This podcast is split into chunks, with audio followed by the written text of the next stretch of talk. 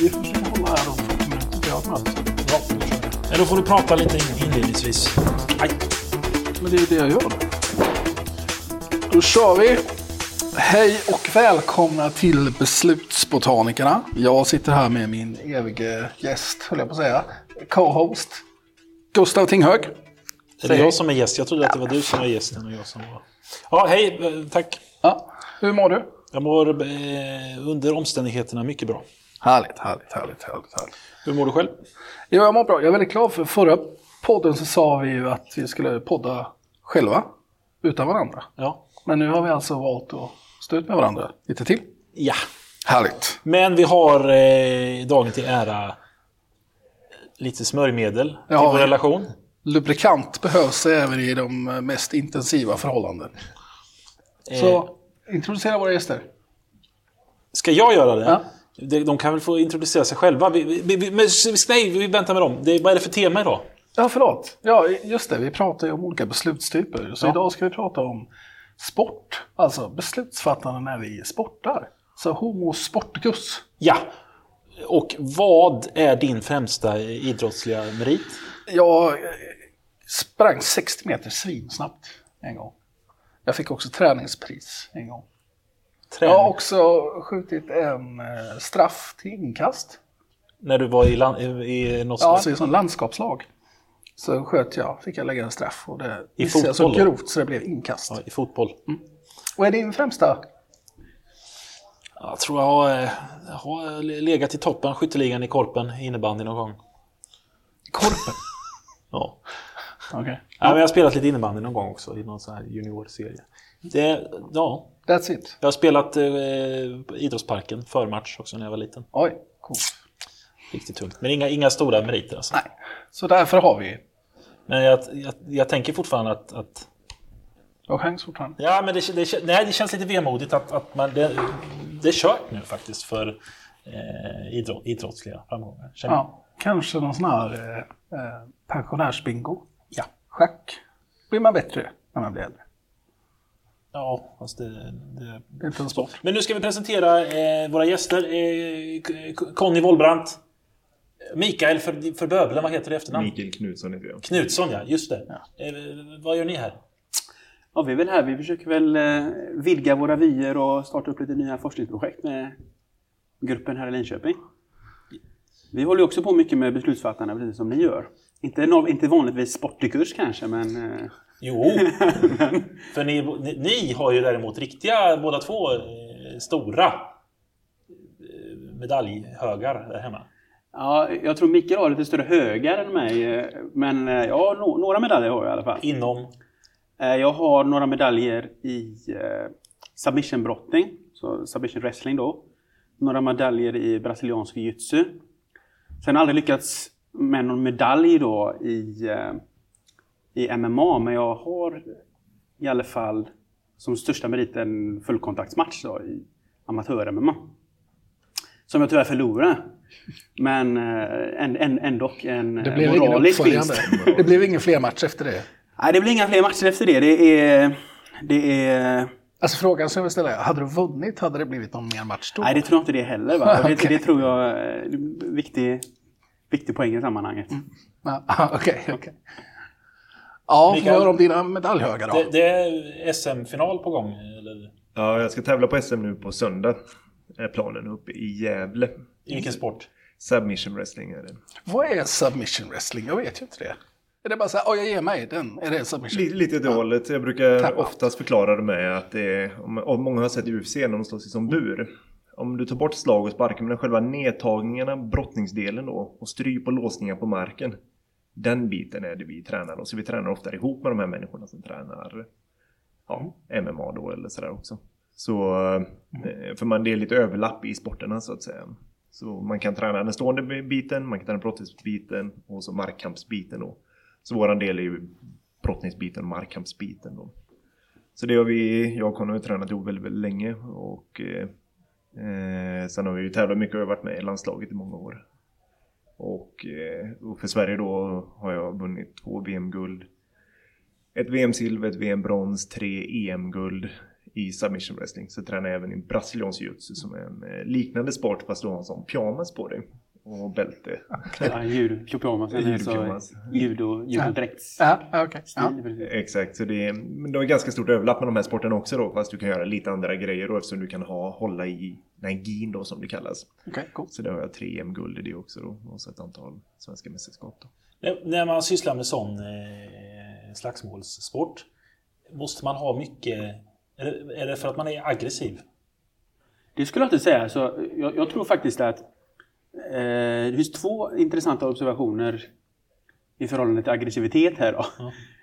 För jag, kan tänka mig att folk tror att folk som sysslar med kampsport är kanske särskilt aggressiva. Då. Men jag skulle säga att i kampsport så träffar man en väldigt stor variation utav folk. Så det finns folk som är eh, ingenjörer, konstnärer, musiker, akademiker som oss själva då. Helikopterrånare? Helikopterrånare och det finns en och annan också. Eh, och eh, allt, allt möjligt i princip. Men, men inte, inte mer än den generella, populationen. Så att jag skulle säga att i kampsport kan du liksom se ett tvärsnitt utav, utav eh, Sverige i princip. Så att om man ska göra, eh, leta efter ett rep- representativt sample till en av våra studier, då ska vi gå till kampsportslokalen? Är det där vi ska? Ja, möjligtvis i termer av bakgrund, men jag skulle faktiskt vilja säga att när man tänker sig, om man återkommer till aggressivitet då, Mm. att folk faktiskt ofta är kanske lite lugnare än genomsnittet. Jag skulle säga att folk som har hållit på med kampsport kanske en kort tid har förväntningar på kampsport om att de liksom ska lära sig att eh, slåss eller någonting sånt. Va? Och Ja, min upplevelse är i alla fall att den typen utav eh, utövare, de försvinner ganska snabbt. När man inser att det kräver oerhört väldigt mycket arbete, oerhört väldigt mycket disciplin över väldigt lång tid. Och att man ju själv faktiskt utsätter sig för ganska utmanande både fysiska och psykiska situationer regelbundet. Vilket ju faktiskt gör att om du inte klarar av att bemöta det på ett vettigt sätt över lång tid så kommer du heller inte vara kvar i Så sporten. det är individer med hög... Jag vet att du har studerat självkontroll mycket. Det är individer med hög självkontroll. Här, hög grit kanske. Jag skulle tro att hög grit va? Vad är grit? Ja, men det är att man är persevere, så här, att man orkar och hålla på och kämpa. Och, och så är passion en del av den skalan också, att man känner passionerat för någonting. Ja. Att man drivs. Jag skulle tro det finns två saker av det här. Alltså en sak som är absolut mest intressant med, med kampsport skulle jag säga det är att du, som till exempel när jag tränar med Mikael, eh, du är en god bit mycket mer meriterad än vad jag är. Så att det innebär att jag li- ligger ju för det mesta underst. Och jag skulle säga, eh, det skulle man kanske inte tänka att det skulle ge särskilt mycket. Eh, Men förutom då att jag kanske ur eh, idrottssynpunkt har blivit väldigt bra på att försvara mig då. Vilket ju är det som jag lägger mest tid på när jag tävlar med honom. Då.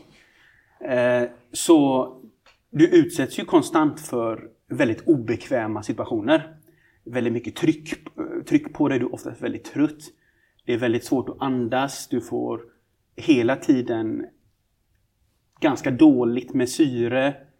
Och första gångerna som man befinner sig i den situationen så kan ju det vara lite panik, panikartat. Det leder ofta till att man gör någonting som inte är så bra, kanske sträcker på en arm eller vänder ryggen till sin motståndare eller någonting sånt som är stora sådana no-nos i, Okej. i sporten då. Eller sträcker på sin hals då, och ge- ger bort ett stryp då till sin motståndare. Då. Så för att kunna behålla sin... eh, För att kunna så att säga, överleva den situationen så måste man liksom lära sig att bli mer och mer bekväm i den här situationen. Och samtidigt i takt med att du blir mer och mer bekväm så kan du också börja utmana de här eh, eh, utmana situationen lite grann för att så småningom så att säga, ta dig ut. Då. Så jag brukar likna det vid att man under det här trycket då börjar expandera sin comfort zone. Då. Man blir mer och mer bekväm i mer och mer så att säga, obekväma situationer. Så visst är det grit då. Jag skulle säga grit kanske tar dig lite utanför. Eller kanske lite mer benägen att ta dig till ytterkanten utav din comfort zone. Men målet är ju ändå att du i slutändan ska vara ganska bekväm i rätt så hög press situation. Och vi har även bekanta som tränar med oss. Som återfinns i den typen av miljöer då, som kanske jobbar med eh, insatsstyrkor eller som jobbar i, i, som är liksom piloter och så vidare. Då. Är det så att när man börjar träna sån här typ av eh, lite slagsmål. Eller måste man lära sig att eh, vänja sig av med vissa intuitioner, alltså vad man är intuitivt. Du sa innan till exempel när vi pratade att man måste lära sig det här med att man ska sticka fram huvudet så man får ta smällen snarare än liksom rygga tillbaka och sådana här saker. Är det en stor del av att man ska lära sig bli av med eh, viss intuition? Ja, vad säger du? Ja, absolut. Man har väldigt dåliga vanor. Säkert på markkamp har de flesta väldigt dåliga vanor skulle jag säga. Som är lätt att exploatera om du är duktig liksom. Vad, sk- vad skulle du tro är min, liksom min, det som skiter sig för mig om jag skulle slåss med dig? Eller ja, eller med någon som är jämbördig. Ja, jag skulle nog Vad är det vanligaste felet folk gör när de slåss? jag skulle nog säga att du kommer nog blotta halsen väldigt mycket liksom. Och det kommer vara lätt att göra ett stryp. Det kan jag nästan garantera. Jag skulle också tro, om du nu är på marken och förutom att blotta halsen så du skulle säkert vara frest- frestad att till exempel sträcka ut armarna för att trycka bort din motståndare. Och det gör det ju väldigt lätt för att ta ett armlås till exempel. Du skulle kanske gärna vilja bli, vara frestad att vända, vända dig bort ifrån din motståndare vilket ju gör det väldigt mycket lättare för han att hamna på ryggen på dig då. Och det är nästan en dödsdom. Alltså. Ja, men alla typer av flyktbeteende är, Alla typer av flyktbeteenden. ja. är någonting som... Det är väl sånt jag hade gjort. Du, nu, fan, jag blir så nyfiken här. Mm, kör. För jag tänker ju då, va. Eh, Jag känner, eh, som jag brukar säga, jag är bara riktigt glad när jag är arg. Vad säger du om det? Vad säger du om det? Vad sa du nu? Du... Man är bara riktigt glad när man är lite arg. Nej, men det finns någonting med att eh, jag mår ofta väldigt bra efter träning. Liksom. Inte just för att jag är arg, men för det här kampmomentet ger mig en oerhörd, ska man säga, eh, inre tillfredsställelse. Liksom. Alltså att eh, eh, det blir en slags fysisk schack. Särskilt om markkampen då. Det handlar väldigt mycket om att försöka gillra liksom fällor, beta med saker du kanske lämnar en liten öppning. Som du väntar på att han ska försöka liksom kapitalisera på. Men då har du, ska man vara helst då steget före. Och ibland är det att han vet om att man kommer göra den här grejen. Så då gäller det att tänka ytterligare ett steg. Lite vad han är. Och eh, eh, jag vet inte om jag skulle säga just med arg. Men just att det har varit en hård kamp. Och även fått den här stimulansen mentalt. Men- För jag tänker, alltså arg, Ja. inte, inte i någon negativ. Men om vi tittar rent eh, biologiskt också. vad- Alltså, vad, är, vad gör djuren när de ska leka? Jo, de eh, slåss ju. Ja. Ja, det gör de ju. Ja. Fast det är också en träning, det är ju någonting, de honar ju sina skills där. Mm. Det är ju, vänta, det är inte bara för att det är så himla kul, utan det finns också... Jag är helt säker på att man liksom skulle kunna köra en fMRI-studie på, på eh, vargarna när de leker. Liksom. Då hade det belöningscentrum gått Ja, det wild, tror- liksom, när, när, när, när, när de är ute och slåss. Och jag undrar, det är väl lite, så måste det väl vara också för folk. Nu får jag ta mig, alltså, jag fattar att de inte slåss, jag vill säga det bara för att provocera lite. Eh, men, men, men det, är det- ja, jag vet inte vad jag vill komma. Ja, men det, är väl, det är väl rätt så intressant där, det som, du, som jag tror att du pekar på, det är väl att det finns förmodligen en koppling mellan det här kampmomentet och lek bland djur och lek i allmänhet. Då. Ja. Så jag tror mycket väl att det är folk som, som, som känner att det är positivt stimulerande eller belönande så att säga och, och befinna sig i det här kampmomentet. Under förutsättning att det inte så att säga är ett sant hot. Jag vet ju, all, jag vet ju alltid att som i våran, våran sport då, jag behöver ju inte mer än att tappa out eller så att säga klappa i mattan eller klappa på min motståndare eller för den delen verbalt bara säga stopp så är det ju slut. Va? Så i någon mening så är ju det här faktiskt lek och under de villkoren så tycker jag, tycker jag nog att folk tycker att det är väldigt roligt ofta och de som är kvar de, och under längre tid de, de liksom tycker nog att det är oftast ganska så lekfullt och, eh, och förknippa det här med, med någonting som är väldigt roligt. Det är inte så att någon kommer och känner att, att någonsin att de känner sig hotade eller att det Nej. liksom kamp i den bemärkelsen. För, med det undantaget då att folk som är där första gången kanske är lite, lite vaksamma, lite återhållsamma, lite, lite rädda kanske. Men med en erfaren instruktör då så behöver ju inte det mynna ut i någonting eh, som leder till skador till exempel. Då. Jag har en fråga. Jag måste, få, jag måste få... Är de, här, är de här egenskaperna ni pratar om, för det är väldigt mycket sådär, det är lek, men det är väldigt mycket självkontroll och grit och sådär. Och, och du får vara lite försvarsläge när du kör mot dig här. Därför att mycket bättre, lite, lite sämre. Är det överförbart i andra områden i livet? Så att tar du igen det akademiskt? Då, så att han får kämpa svinhårt för att få in någonting i Det här är ingenting som du måste besvara. För där är du lite över i meriteringsmässigt. Vi har skojat om det ibland, du vet. Så att på mattan då är jag professorn liksom. Ja, ja, just det. Så ger du igen då liksom så här, ja, det här, den där meningen får du aldrig in i vår artikel. Liksom. Det kan du glömma bara. Det var faktiskt en rolig historia som jag berättade igår. En av första gångerna Conny tittade på det jag hade skrivit. Jag hade precis då börjat ta mina första stapplande steg då i akademins värld då efter, ja, efter min master då. Så hade jag skrivit den här texten och så skulle Conny kolla på den och så sitter han och så läser han där och så kollar han på mig och så bara Vad är det här för skit? Skriver du det här på toaletten eller? Och det, alla de här röda strecken och så, så som man såg där det har jag kvar mentalt i huvudet. Alla, Ja. I princip de flesta artiklar jag skriver har jag faktiskt skrivit på toaletten. Det behöver inte vara dåligt. Ja. Det här blir ju hög kvalitet då helt enkelt. Tänk vad de har skrivit på skrivbordet hur bra brukar- Så ett tips för alla er som vill jobba på toaletten är att man, man har strykbräde som man tar fram. Och så sätter man upp grejer, böcker och så. Har en strykbräda helt enkelt. i. Ja, och en kopp kaffe. Och. Nej, du har tagit det till en annan nivå. Du behöver aldrig ta det därifrån eller? Nej, men problemet eh, om vi är, in, in, är ju att det, när man väl sitter på toaletten det är svårt att ta sig därifrån. För om vi pratar självkontroll. Eh, det är jobbigt att resa sig från toaletten. Därför så kommer man, och det är väldigt kal miljö. Man kan inte fokusera på så mycket annat än att jobba. Du menar du minimerar distraktioner helt enkelt? Ja. att- Det var länge du inte hade en dörr ens till din toalett. Nej, Och för att du vill ha hela huset skulle vara ditt. min toalett.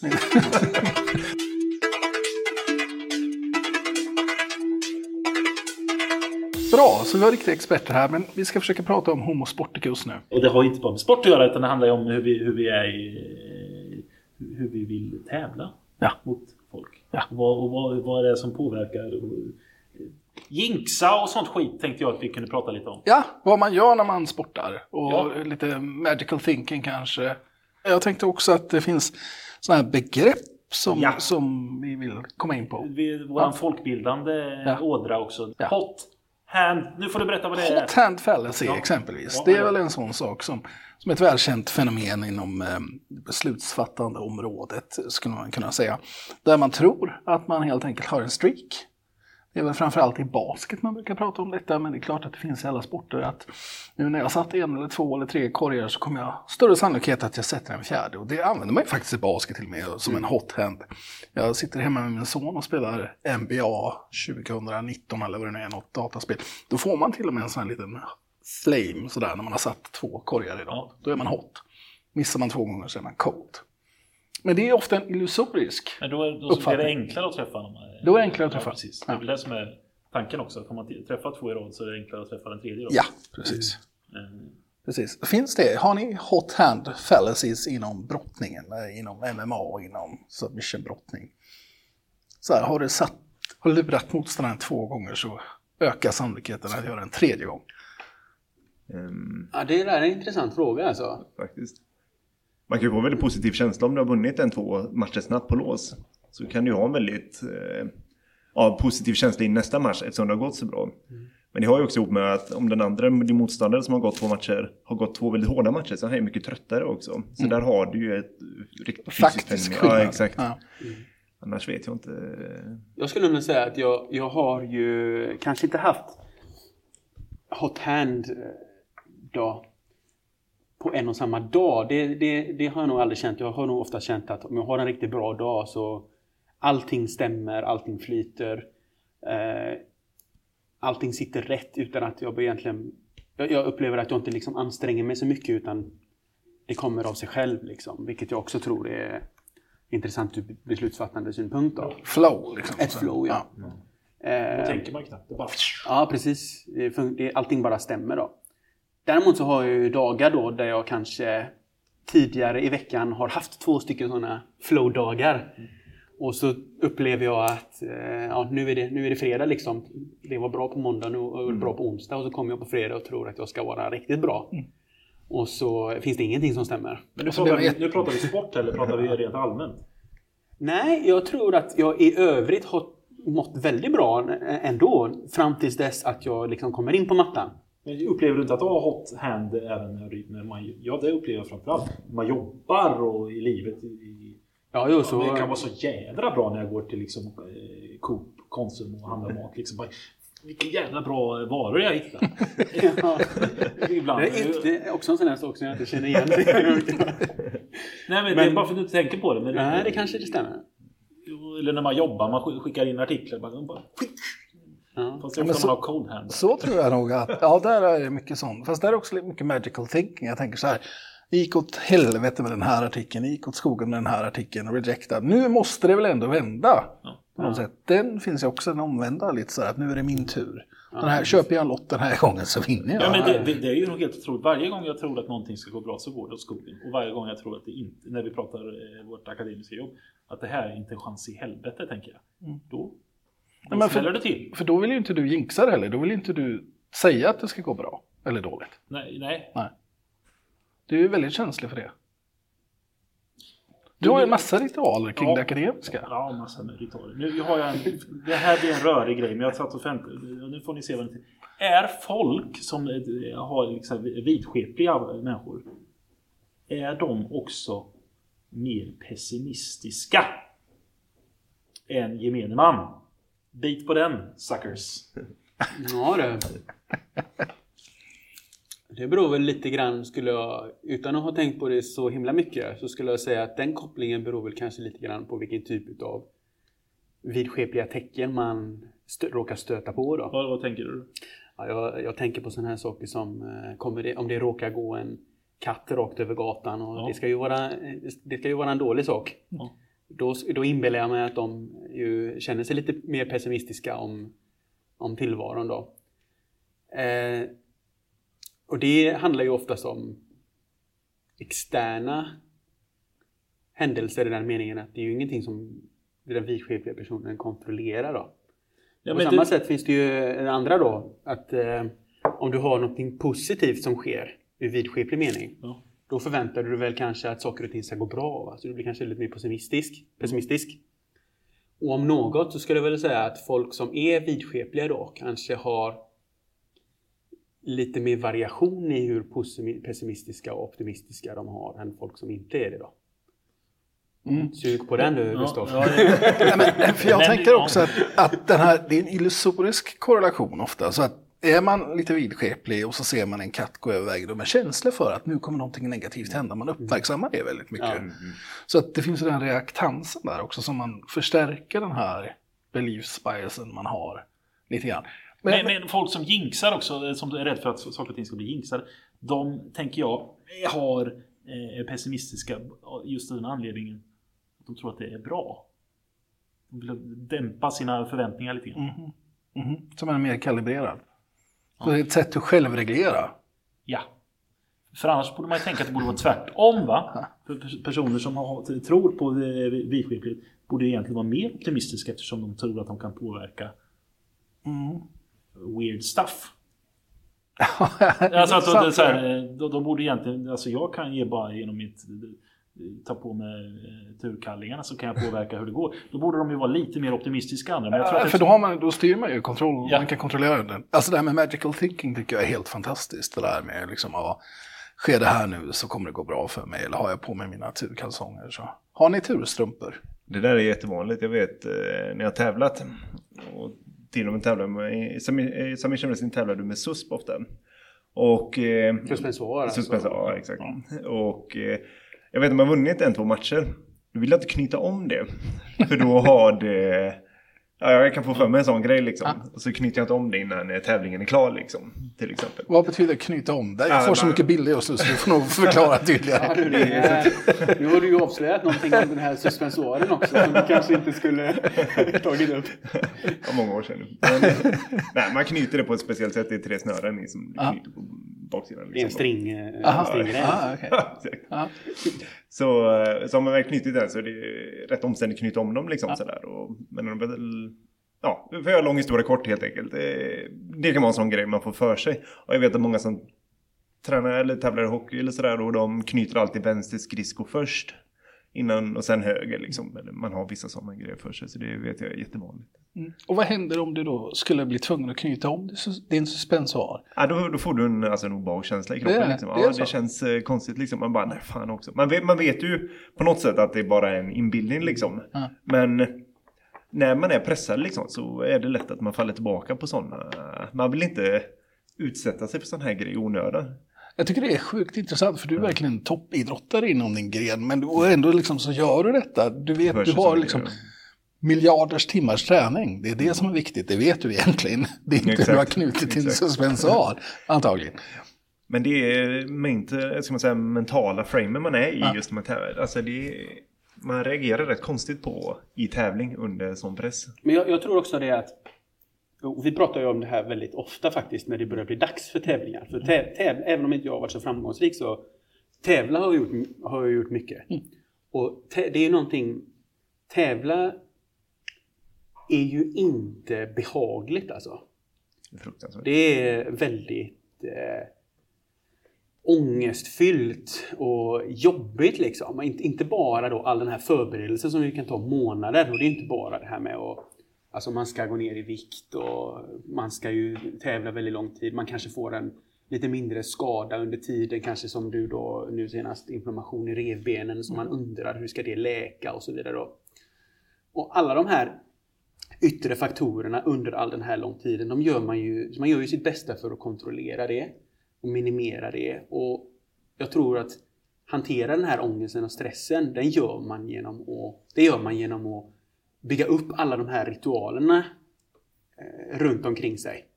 Och jag tror till exempel vi, vi vaknar ju eh, på morse, i morse på Clarion Hotel och det första jag hör från dig på morgonen är att "Ja, nu måste jag gå upp och jag måste gå och träna. Och det är liksom innan... Eh, ja, ingenting, ingenting annat. Och du har ju inte ens...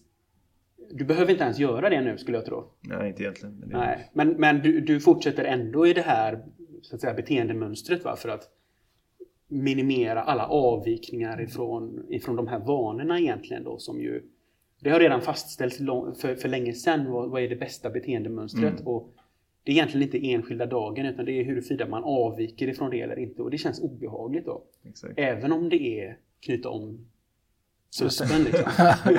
Även om det är helt irrationellt egentligen. Exakt. För att gå och träna, det förstår jag, det har en påverkan på kroppen och din möjlighet. Även om du är saturerad i din träning så är det ändå någonting som torde ha en positiv inverkan. Eh, Men att knyta om suspensoren är svårt att objektivt hävda att det är... Så är det. Ja, men just det här, för hade jag inte gått, nu körde jag ingen hård träning jag bara gick på sån gångband och sen var det lite bastu och så en kall bad hade de där. Så jag köra det. Men hade jag inte gjort det så hade jag ändå gått här under dagen. Och det hade känts inte så bra liksom. Även om kan, rent viktmässigt så är det inga problem att klara vikten till söndag. Men så, det hade fortfarande varit mentalt. Du vet, ja nu gjorde jag inte det, du vet, ja nu kanske jag tappat lite, ja undrar om jag lägger på mig lite för mycket nu. Alltså du vet, du stä, stä, stoppa de tankarna direkt mot Olle i grind som man säger. Ja, Så, ja. Jag tror det, i ditt fall så är det också så du är, du är väldigt mycket Rutin. Ja, du är väldigt mycket rutinmänniska och du känner att du gärna vill ligga steget före motståndarna och så vidare. Mm, Så men jag, eh, jag ska faktiskt avslöja det här, jag tror inte att du vet det. Men eh, eh nu blir det offentligt. Så för några veckor sedan så var ju Mikael och hälsade på mig i Skottland där jag bor. Och vi hade en gästföreläsare eh, på besök av eh, avsevärd renommé. Va? Så vi, vi arrangerade rummet, satte upp alla alltså stolar och fixade i ordning allting. Och vid något tillfälle så, så såg, jag, såg jag inte var du var någonstans, så hade du försvunnit. Och då eh, tog jag ett steg upp på trappan och då såg jag bakom en liksom skrymmande halvvägg att du låg på golvet och gjorde sit-ups. Jag sa aldrig någonting om det för att jag tänkte att eh, det, det är lika bra att låta saker bero. va? Smygtränar, liksom, går undan och får... eh, Ja, ja, ja. Det finns ju värre beroenden kan jag Ja, säga. ja, ja, du såg det. Jag tänker ju alltid att idrottare är dumma i huvudet. Va? På grund av sådana här saker som det här med eh, borta och hemma-fördel.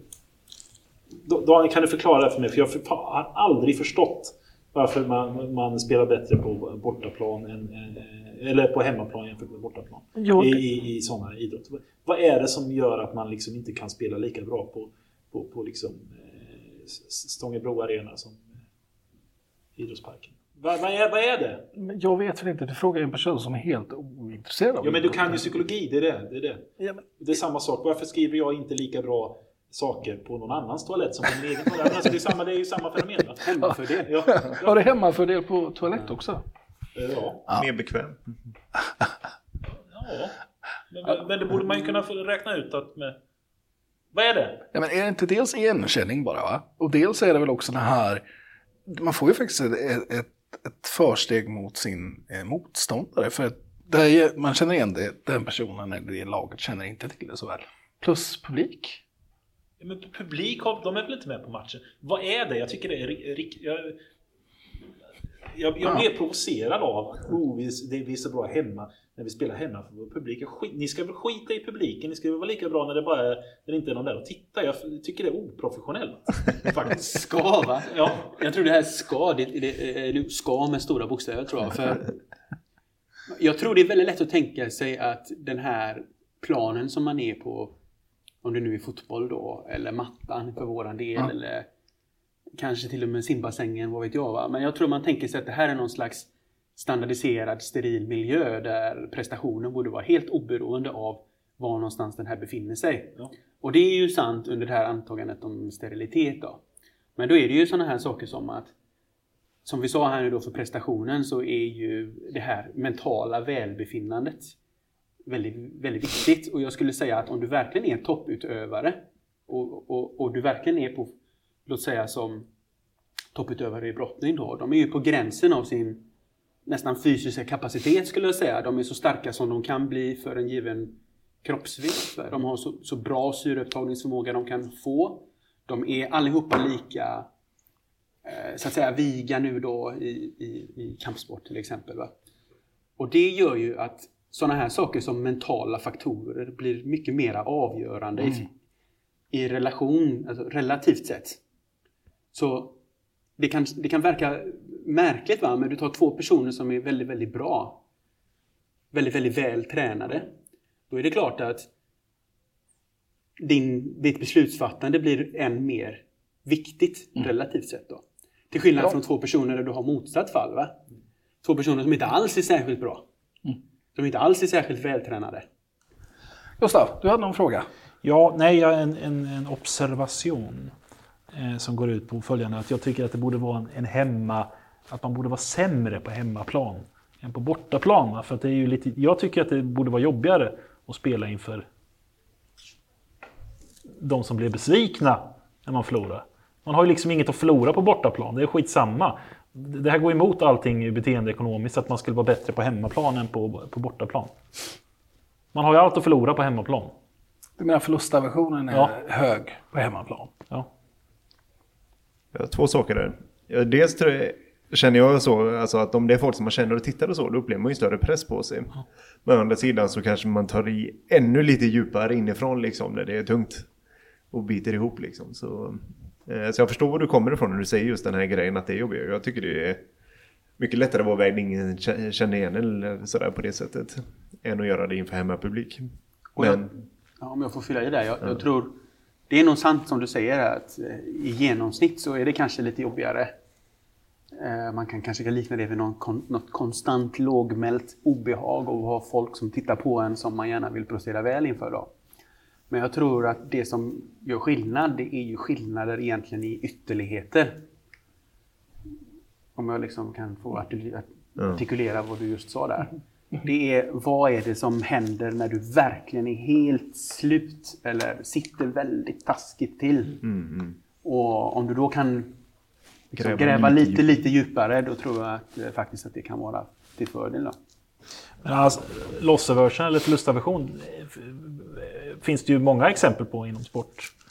Man, är det inte så att man, man, eh, man inom golf, om man ska putta för birdie, så är man, puttar man bättre va? än om man, ska, om man puttar för par. Ja. Exempelvis. Man har mer, det är mer att, och, puttar man för par då kan det, bara- är ju risk att man gör en buggy och då förlorar man. Man har inte så mycket för det blir, allting är positivt när man puggar, puttar för en igel. Ja. Nu kommer jag på ett annat sån här empiriskt exempel. Skidskyttar eh, är sämre på hemmaplan, tror jag. När de skjuter på hemmaplan. Eh, Jaha. Det, det här kan jag ha hittat på, men jag tror att det finns empiriskt stöd för att om man är skidskytt och är bra sådan och åker på, på hemmaplan så, så missar man mer i skyttet.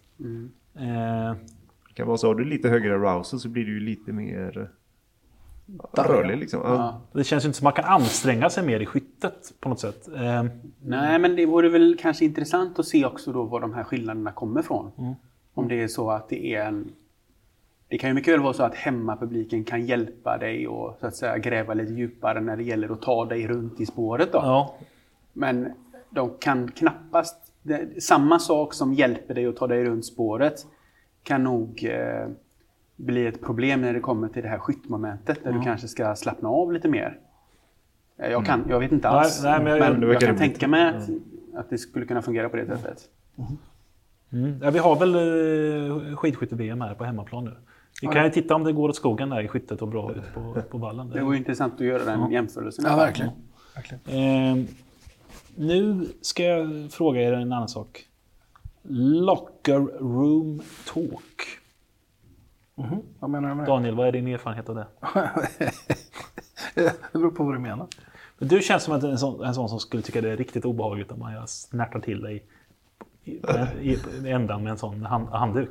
Vad är det för offentlig kommentar? Det är väl, det är väl inte locker room talk, är det det? Vad är ro- Det är det väl? Ja, okej. Ja, nej, jag vill inte att du ska snärta mig i ändan med, med en blöt hand. Nej. Vill du att jag ska röra dig? Nej, nej men locker room, det är speciellt va? Det är speciellt för sport. Eller alltså vad, vad heter det på svenska? Ombytesrum. Om, ombytesrumsnack.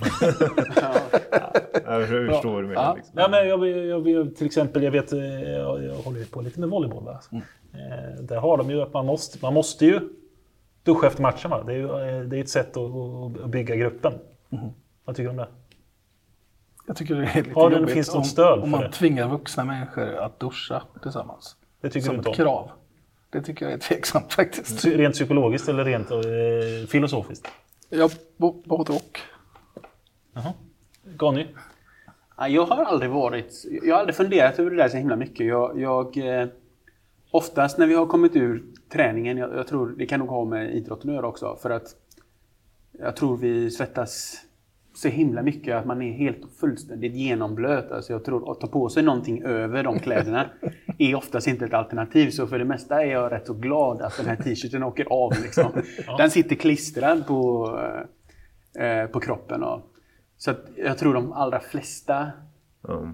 eh, går in och, och, och duschar. Liksom. Det finns ju inget sånt krav liksom. Alltså, men... Nej, men det sker Exakt. av den där anledningen ändå. Jo, jo men det är, ja, det är kanske inte själva duschen som är... Men, men jag kommer ihåg själv från min tid. eh, Det, det göttigaste är ju efteråt. När man har tränat, när man sitter. Det blir en väldigt ja. avslappnad stämning i, Exakt. i ombytesrummet, eller vad det heter. Eh, omklädningsrummet. Jo, Och det, det, där har man tillbringat många timmar genom åren och bara sitta. ja, det håller jag med. Varför, Daniel? Är det på det viset? Är det för att man liksom är liksom så här efter man har fått ur sig... Man är trött, man har fått ur sig all, allting. Och, Kan det vara, kan vara en belöning med lite eftersnack. Konsolidera, ta det lugnt, lugna ner sig. ja. Eh, men har vi det här locker room talk, det var ju han, eh, vår vän, eh, som du eh, inte gillar, eh, Donald Trump. Ja. Som bildade att man, det är lite gro, grova Ja. termer. ja. Vad, är, vad, är, vad känner du för det? Vad jag känner för det. Ja, men är det så eller? Jag, Ja, men alltså, för jag, har aldrig riktigt, mig. jag har aldrig riktigt upp, upplevt det att det är på det sättet. Nej, alltså min erfarenhet är ju inte aktuell. Så att men, det, varför blir du så obekväm när vi pratar om det här? jag blir inte obekväm. Ja. Men jag står inte på gymmets uh, omklädningsrum och skriker ut obscena ord och grab them in the pussy och sådär. Det gör jag inte. Nej, gör ni det? Nej, det har inte hänt hittills. Jag, jag, jag tvivlar på att det kommer ske. Men, men jag tror... din första poäng där, eh, det är två poänger här kanske. Den ena är väl vad är det för värde av att liksom sitta i lägga så mycket tid på att kanske sitta i och kanske till och med sitta kvar ganska länge i omklädningsrummet efter träning eller tävling idag. Och det andra, det handlar väl om utbytet som sker i Ja. eh, och kanske de här eh, ovanliga men för en del förmodligen ganska obekväma utbytena då. Och jag tror i det första fallet där tror jag att, att jobba så himla hårt. Jag menar man kan ju tänka sig att när vi tränar så är vi motståndare då eller liksom i någon mening kanske liksom fiender eller något sånt. Men det är ju inte alls det är inte alls så det fungerar utan oftast handlar det om att vi går ganska många hårda ronder med varandra. Det är jobbigt för oss båda. Och, eh, men samtidigt så är det ju här som vi lär oss. Va? Det är ju tack vare honom som jag har hamnat i de här ytterlägena och expanderat min eh, comfort zone. Då. Och oftast så tror jag nog att den här interaktionen är ganska förbrödrande. Att man, eh, jag upplever att många av mina bästa vänner har jag liksom vid någon som jag tror det var någon som sa att de flesta utav mina bästa vänner har jag liksom strypt någon gång. Och det är ju sant för oss båda skulle jag tro. Va? Så. Att eh, jag tror av sådana skäl. Eh, sen de här eh, liksom dålig stämning och sånt. Det kan hända att det kan ju såklart hända att eh, jargong kan ta sig olika riktningar men jag tycker ändå att vi har haft, haft bra nivå och jag tror man kan läsa av ganska väl om det är någon som känner sig eh, obekväm eller beklämd utav någonting. Med det sagt så tycker jag jargongen är ganska mild. Mild måste jag säga. Men jag kan ändå säga så här också, att, eh, för det har ju ofta en negativ konnotation, liksom, locker room talk, liksom, att eh, man ser så. Men just med kommer från kampsportsvärlden, som precis som du sagt så har man ju redan haft en kamp liksom. Och när man är klar där så eh, behöver liksom inte hävda sig eller bevisa, för det är redan gjort i steget innan. Så nu är det ju mer, ja alltså det är ju gjort liksom, behöver liksom inte brösta upp sig. För det klarades ut på den där en och en halv timme som precis var. och nu kan man bara snacka och ha det gött liksom. Alltså, Det är oftast väldigt avslappnat. Det är ju ganska, Jag tror säkert ni kan tänka er att när man väl håller på Marginalerna är små, små, det går fort, det är oerhört ansträngande. Det är Ja. ju rätt så hög anspänning. Och när det där är slut så är det ganska förlösande och för det mesta så tycker jag att Ja. när vi ser kring helt- vårt omklädningsrum så är det väldigt lugnt och fint. Det är som när man har skrivit en ansökan. Det är också samma och tar öl efter det. Ja. Ja, då så är det. oerhört skönt när det är klart. Men jag har en fråga här nu. För jag tänker, jag måste få inflika. För det lät ju som att ni är så kompisar, allting är så bra efter man har tränat. Så det kanske är gänget som tränar, men visst har ni, ni måste ju ha nemesis. Människor som ni faktiskt inte, som ni tävlar mot eller har mött eller så här. Som, som det här är liksom min motståndare. Du har väl en nemesis? Det kan man inte vinna en massa guldmedaljer utan att ha en nemesis. Ja, jag har en kille faktiskt som jag har förlorat två matcher mot, som heter Mikael Murphy. Ja. Som, det är väl min nemesis. Ja, fast vi är ju goda vänner. ja, vi är goda vänner. Vi var i... vi Vart inte iväg tävlat ihop på ett landslag. Ja, men man kan ju vara nemesis men ändå jämföra sig Tävlingsmässigt, med. ja exakt. Ja. Just det. Där. Ja, Det vet jag inte. Martin Jansson var ju det länge. Jag är också väldigt god vän. ja, exakt.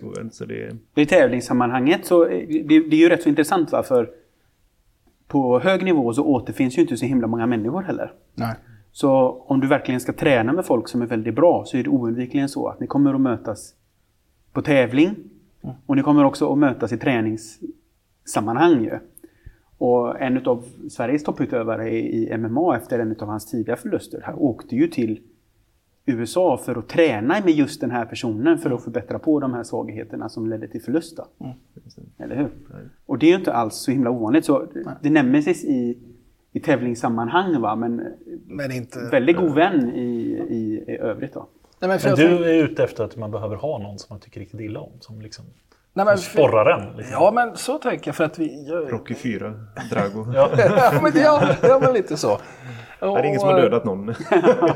Vi har väl akademiska nemesis, tycker jag. Så här, sak, människor som man är så här, bara, det där var ju fan att han eller hon lyckades med det. Då. Alltså, det, det är också en, en, en, vad ska man säga, en avundsjuka i att jag vill också göra det där, jag vill också lyckas, jag vill Ja. göra de här grejerna. Det kan vara på många sätt, det kan sporra, det kan också göra att man spenderar en massa tid och Och tänka dumma saker. Göra sådana fake-konton. Anmäla allt som ja, sägs på inte, Twitter. inte byggt något fejkkonto än för någon. Men... Ja, Ja, jo, men så är det ju. Man är, det, men, men det betyder inte att man tycker illa om någon. Men det, ibland behöver man en... Jag, ibland behöver jag tycka illa om någon. ja absolut. Men, utan att jag gör det. Förstår du vad jag menar? förstår. Ja. Nu har jag, du, jag vet att du ska iväg här på Ja. något viktigt möte, men jag har en, en eh, intressant sak, iakttagelse, som jag vill... Eh, det har ju med det här med, med, med coach, när man är inom sporten man har coach, för tränare och sånt. Va? Och då är, undrar jag detta, varför är det att vi, vi, vi förordar så här demokratiskt beslutsfattande inom de flesta områdena eh, ofta i den riktiga världen. När det kommer till sport, då ska det vara en diktatur. Va? Då ska man ha en chef som bestämmer. Va, va, va, vad är anledningen till att det inte ska- funkar så bra med de- demokrati när det kommer till sport? Frågar de här individuella sportarna. Som... Men har ni, har ni tränare som bestämmer hur ni ska köra era matcher? Eller så här coacher eller... Både och. Både och. Får jag säga. Det där är en intressant fråga. Och jag tror att eh, man kan nog tänka sig att man, att man bedriver det här på lite olika sätt. Då. Och jag tror att oftast är nog det outtalade, eh, det outtalade den outtalade överenskommelsen mellan så att säga, en toppcoach. Då. För jag tror det här är nog där du ser den här mest starka styrande eh, coachfiguren upp till en viss nivå i alla fall. Sen kan det faktiskt vara så att coachen som du har kan, kan om, om en eh, väldigt bra, kan faktiskt i något tillfälle till och med bli sämre än dig i, när det gäller idrottsutövandet. Då. Det är ju säkert sant även för väldigt många fotbollsspelare, eller det är ju garanterat sant. Vadå att coachen är sämre än... Att coachen när det gäller själva tävlingsutövandet Ja. kan ju vara, säm, kan ju vara sämre än en individuell till exempel fotbollsspelare. Ja. Det, det händer ju. Det är väl alltid så, tänker jag. Ja, det är nog inte alltid så, men, men det, det sker ju för en, del, för en del topputövare givetvis. Vadå, vad- jag förstår inte.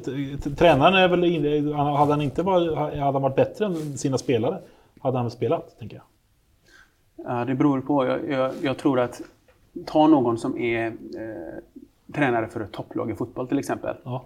Det är ju inte ovanligt att väldigt bra spelare som givetvis kanske har avslutat sin aktiva utövarkarriär då. Att de sen- Men som en och så, sen blir de kanske då coacher va. Men under sin tid så var de ju väldigt bra. Ja, Okej, okej. Mm. Och det är klart att under deras tid som coacher så kommer de ju att träffa på utövare som de kommer att bli tvungna att säga till gör så eller så. Men som ju givetvis också är sämre utövare än dem. Då, va? Men jag tror, eh, det, förutom att det där kanske är lite idrottsspecifikt, så tror jag att i vårat fall så är ju våra prestationer individuella. Och den typen utav coachning som vi får är i form utav eh, i form utav Teknik. instruktion, teknik, teknikinstruktion kanske, eller råd ifrån liksom, matthörnet. Han säger att han ser trött ut till exempel. Då vet jag det att jag är trött men jag kanske kan ligga på lite hårdare. Eller, Och eh, då säger, tiden- säger den coach då, du, han ser trött ut, så då Ja. förstår du det. Då förstår jag det. Om jag hör honom då. Och vissa människor kan vara svåra att höra. Ja, det är Men- dålig coach då. Ja, vissa har sån röst som hörs jättetydligt. Ja. Liksom. Det är väldigt fascinerande. Och vissa hör man inte alls. Och vissa, man vill ha väldigt olika specifik coachning. Vissa kan vara så här att de är, du vet, ner med handen, tryck på hans knä, liksom flytta fot. Alltså du vet den här typen av instruktioner. Men jag gillar ofta att få instruktioner som bara är han är trött, du är pigg. Ja. så det, Men, men före match då, som på söndag, har du någon som säger till dig, tänk så här, så här ska du gå in i den här matchen nu. Oftast är det alltid turneringar vi går. Eh, och då är det typ om någon har mött den här personen innan. Så alltså, han är väldigt duktig på nedtagningar. Eller var väldigt, han är väldigt stark på den här grejen eller så. Och då kan man ju agera. Men det är mer råd, det är inte sådär så att du har aldrig gått emot någon coach som har sagt så här, nu ska du göra på det här sättet. Nej, Nej, nej. Jag tror det här med demokrati som du pratar om. Jag tror organisationsmässigt så kan man ju styra en organisation ur demokratisk synpunkt. Du kan ju ha en styrelse som är vald även i en, även i en så att säga, som i våra fall då i en kampsportsklubb. Va? Men jag tror att de allra flesta utövarna vill ju inte ha som instruktioner under tävlingsmoment då. Ifrån hela laget eller hela klubben. Utan då vill du ju gärna ha eh, instruktioner ifrån den som är bäst eller som åtminstone kan utläsa situationen bäst. Då. Jag kanske tänkte mest på lagidrott faktiskt, eh, även om jag inte formulerade det. Att det, det går inte så bra med demokrati inom lagidrott, tror jag. Eller den här, han den här gurkburks-Bengan eh, hade väl i och för sig det. Ja, Spelarna det fick väldigt så här, ja, ja, han gjorde ju ingenting. Han bara, ja, ni kan det mycket bättre själva, så ni får coacha er själva. Eh, men jag hade en annan sak. Det här med individuell idrott och lagidrott. Är det olika personer, är det personlighetstyper som, som, som dras till de här olika grejerna? Jag funderar på om det är... Dels testar man ju ofta med olika idrotter, liksom. ser man ju vad man har fallenhet för. Så dels är det vad man har fallenhet för för idrott och då blir det att man kör på på det man är bra på. Och sen är det såklart vad man trivs med, det är ju en stor del av det hela då. Liksom, så trivs du med ett individuellt moment så kommer det ju såklart bli en selektering mot det. För ofta testar man ju väldigt mycket olika idrotter medan man är ung. Och så ser man ju vad man gillar och har fallenhet för. Liksom. Tänker att det är en kombination däremellan. Liksom. Men, men om man har en lagidrott, då måste man ju kunna hantera att andra kommer fucka upp det. Eh, och det eller så jag, kommer- ja, och det, det, det märker man ju, att vissa har ju svårt för det där. och Att, eh, att, att kunna hantera när andra gör fel och att man då hjälps åt att fixa det. Många kan nog tycka det kan vara skönt också om de om de själva skulle göra fel så bränner de inte alla andra. Då förstör de bara för sig själva också. Liksom. Så det kan vara en omvänd. Ja, jo, precis. Man kan gömma sig bakom. Exakt. Ja. Eh, Är du en lagidrottare, Daniel? Eh, nej. Du är en... Jag- Ja, förlåt, ja, Ja. Du är en Ja. friidrottare. Ja. Typ. Jag känner, det, det här är min, jag känner när jag tittar på sport, jag- att de här individuella idrottarna, då tänker jag på typ simning, friidrott och de här man ser på TV. Det är jävla knepigt gäng. Eh, och jag hänger nog hellre med, med eh, lagidrotts... Det var nog roligare. Eh, Jag känner att det är, det är skönare häng med lag, lag, lag ja, än med... Nu ska vi ta någon här som jag inte... Du pratar ju om dina Ja, men, jag, så jag och, och, och Charlotte Kalla till exempel. Det hade, jag vet inte, jag tror inte det hade funkat så bra. Nej. Jag vill inte spela sån här, vad heter det, Pingis. vänd, vändåtta med eh, eh, Carolina Klüft heller. Alltså det, eh, däremot så, Men jag tror det är olika. Jag jag tror det är lätt att säga. Det är lätt att bara säga idrott för det är liksom tema som vi talar om. Va? Men det är också, jag tror det är, för, det är viktigt att förstå eh, att det här är ju i princip två stycken olika saker man utövar och det kräver säkert olika eh, färdigheter också. Eh, jag gick ju på idrottsgymnasium, i basketgymnasium faktiskt. Det kan man inte tro med tanke på hur... eh, Jag är inte så himla... Jag är bara 1,80 lång va. Men så den karriären gick inte särskilt långt. Eh, Jag tyckte det var roligt, såklart.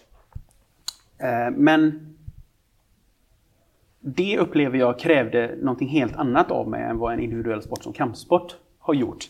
Sen, sen är det klart, man kan tävla. Det, det, är, en ganska liten grupp som tävlar i kampsport.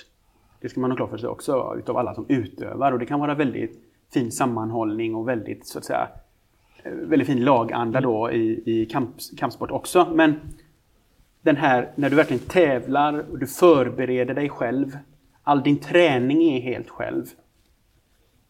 Alla de här extra bitarna man måste göra. Du kanske måste göra en himla massa stretching, du kanske måste göra en massa aktiv vila och det är väldigt mycket tanke på att sköta sin kost och sin eh, Gymträning. Eh, sin gymträning och sitt och vatten, alltså vätskeintag och allting sånt själv. Det är själv och det är eh, det kan stundtals vara ganska ensamt. Och det är också en himla resa inåt skulle jag säga. Du lär ju känna delar av dig själv som du inte lär känna i sällskap. ja, det känns ju inte som de stora tänkarna håller till i, i liksom fotbollslandslaget. De håller nog snarare till i i, i, ja, i pingislandslaget. eller, eller, ja, Ivo. Ja, säga. On that note, nu måste vi avsluta för jag måste gå. Så vi har ett, ett moment kvar. Det är landskapsblomman för Homo och Sportkus. Det är ditt segment Gustav. Ja, nu var vi ju inne på det evigt gröna trädet. Eh, J.O. Wallner. Men han, var, han har vi haft som landskapsblomma förut. Va? Ja. I vilken, vilken blomma Jag va? tror det är Homo moralis. När du pratar om att han har gjort tveksamma affärer. Jaha. Så, så, Nej, nej, nej, då, då, då skiter men det är okej, han kan komma. Nej, nej, nej. nej. Alltså, eh, vem, vem känner ni... eh, Är ni när vi, när, om vi skulle sammanfatta det vi pratat om idag. Vad, vilken människa destillerar dig? Vilken människa som destillerar mig? Nej, som du, om du, du skulle sila ut allting vi har pratat om idag. Vilken människa har du i på, tänker du här på då? En oerhört svår fråga. Som beskriver allt vi har pratat om. Jag får medge att det var jag inte riktigt förberedd på. Nej, nej, inte han heller. Han borde ju varit här Gustav som... Nej, men jag tänker- Konceptuellt förstå frågan. Eh, jag, jag, av någon anledning så tänkte jag på Patrik Bodén.